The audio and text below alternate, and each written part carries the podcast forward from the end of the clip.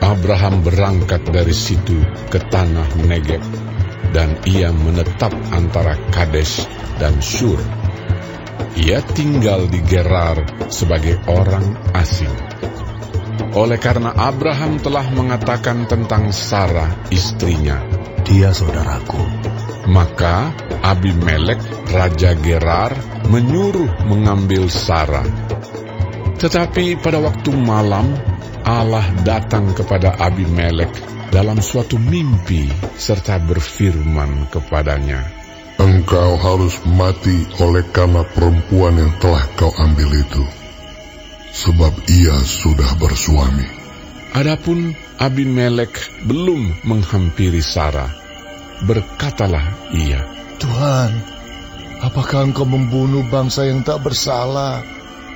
Bukankah orang itu sendiri mengatakan kepadaku, dia saudaraku? Dan perempuan itu sendiri telah mengatakan, ia saudaraku. Jadi hal ini kulakukan dengan hati yang tulus dan dengan tangan yang suci. Lalu berfirmanlah Allah kepadanya dalam mimpi, Aku tahu juga bahwa engkau telah melakukan hal itu dengan hati yang tulus. Maka aku pun telah mencegah engkau untuk berbuat dosa terhadap aku. Sebab itu aku tidak membiarkan engkau menjamah dia. Jadi sekarang, kembalikanlah istri orang itu. Sebab dia seorang nabi. Ia akan berdoa untuk engkau maka engkau tetap hidup. Tetapi jika engkau tidak mengembalikan dia, ketahuilah, engkau pasti mati. Engkau dan semua orang yang bersama-sama dengan engkau. Keesokan harinya pagi-pagi Abimelek memanggil semua hambanya dan memberitahukan seluruh peristiwa itu kepada mereka. Lalu sangat takutlah orang-orang itu. Kemudian Abimelek memanggil Abraham dan berkata kepadanya, Perbuatan apakah yang kau lakukan ini terhadap kami? Dan kesalahan apakah yang kulakukan terhadap engkau? Sehingga engkau mendatangkan dosa besar atas diriku dan kerajaanku. Engkau telah berbuat hal-hal yang tidak patut kepadaku.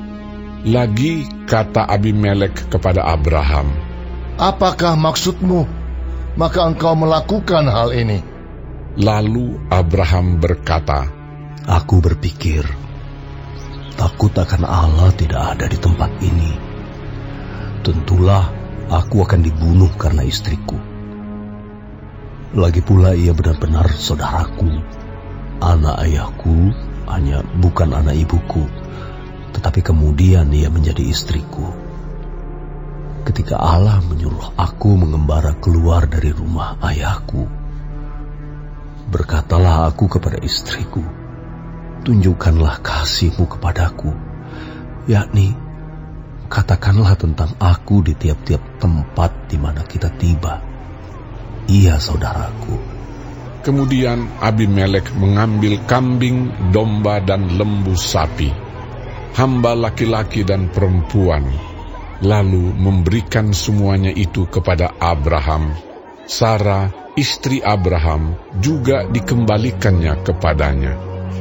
Dan Abimelek berkata, Negeriku ini terbuka untuk engkau. Menetaplah di mana engkau suka.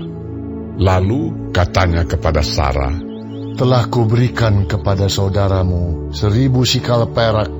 Itulah bukti kesucianmu bagi semua orang yang bersama-sama dengan engkau. Maka dalam segala hal engkau dibenarkan.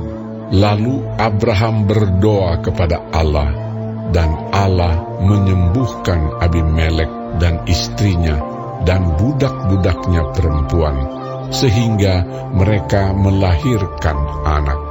Sebab tadinya Tuhan telah menutup kandungan setiap perempuan di istana Abimelek karena Sarah, istri Abraham itu.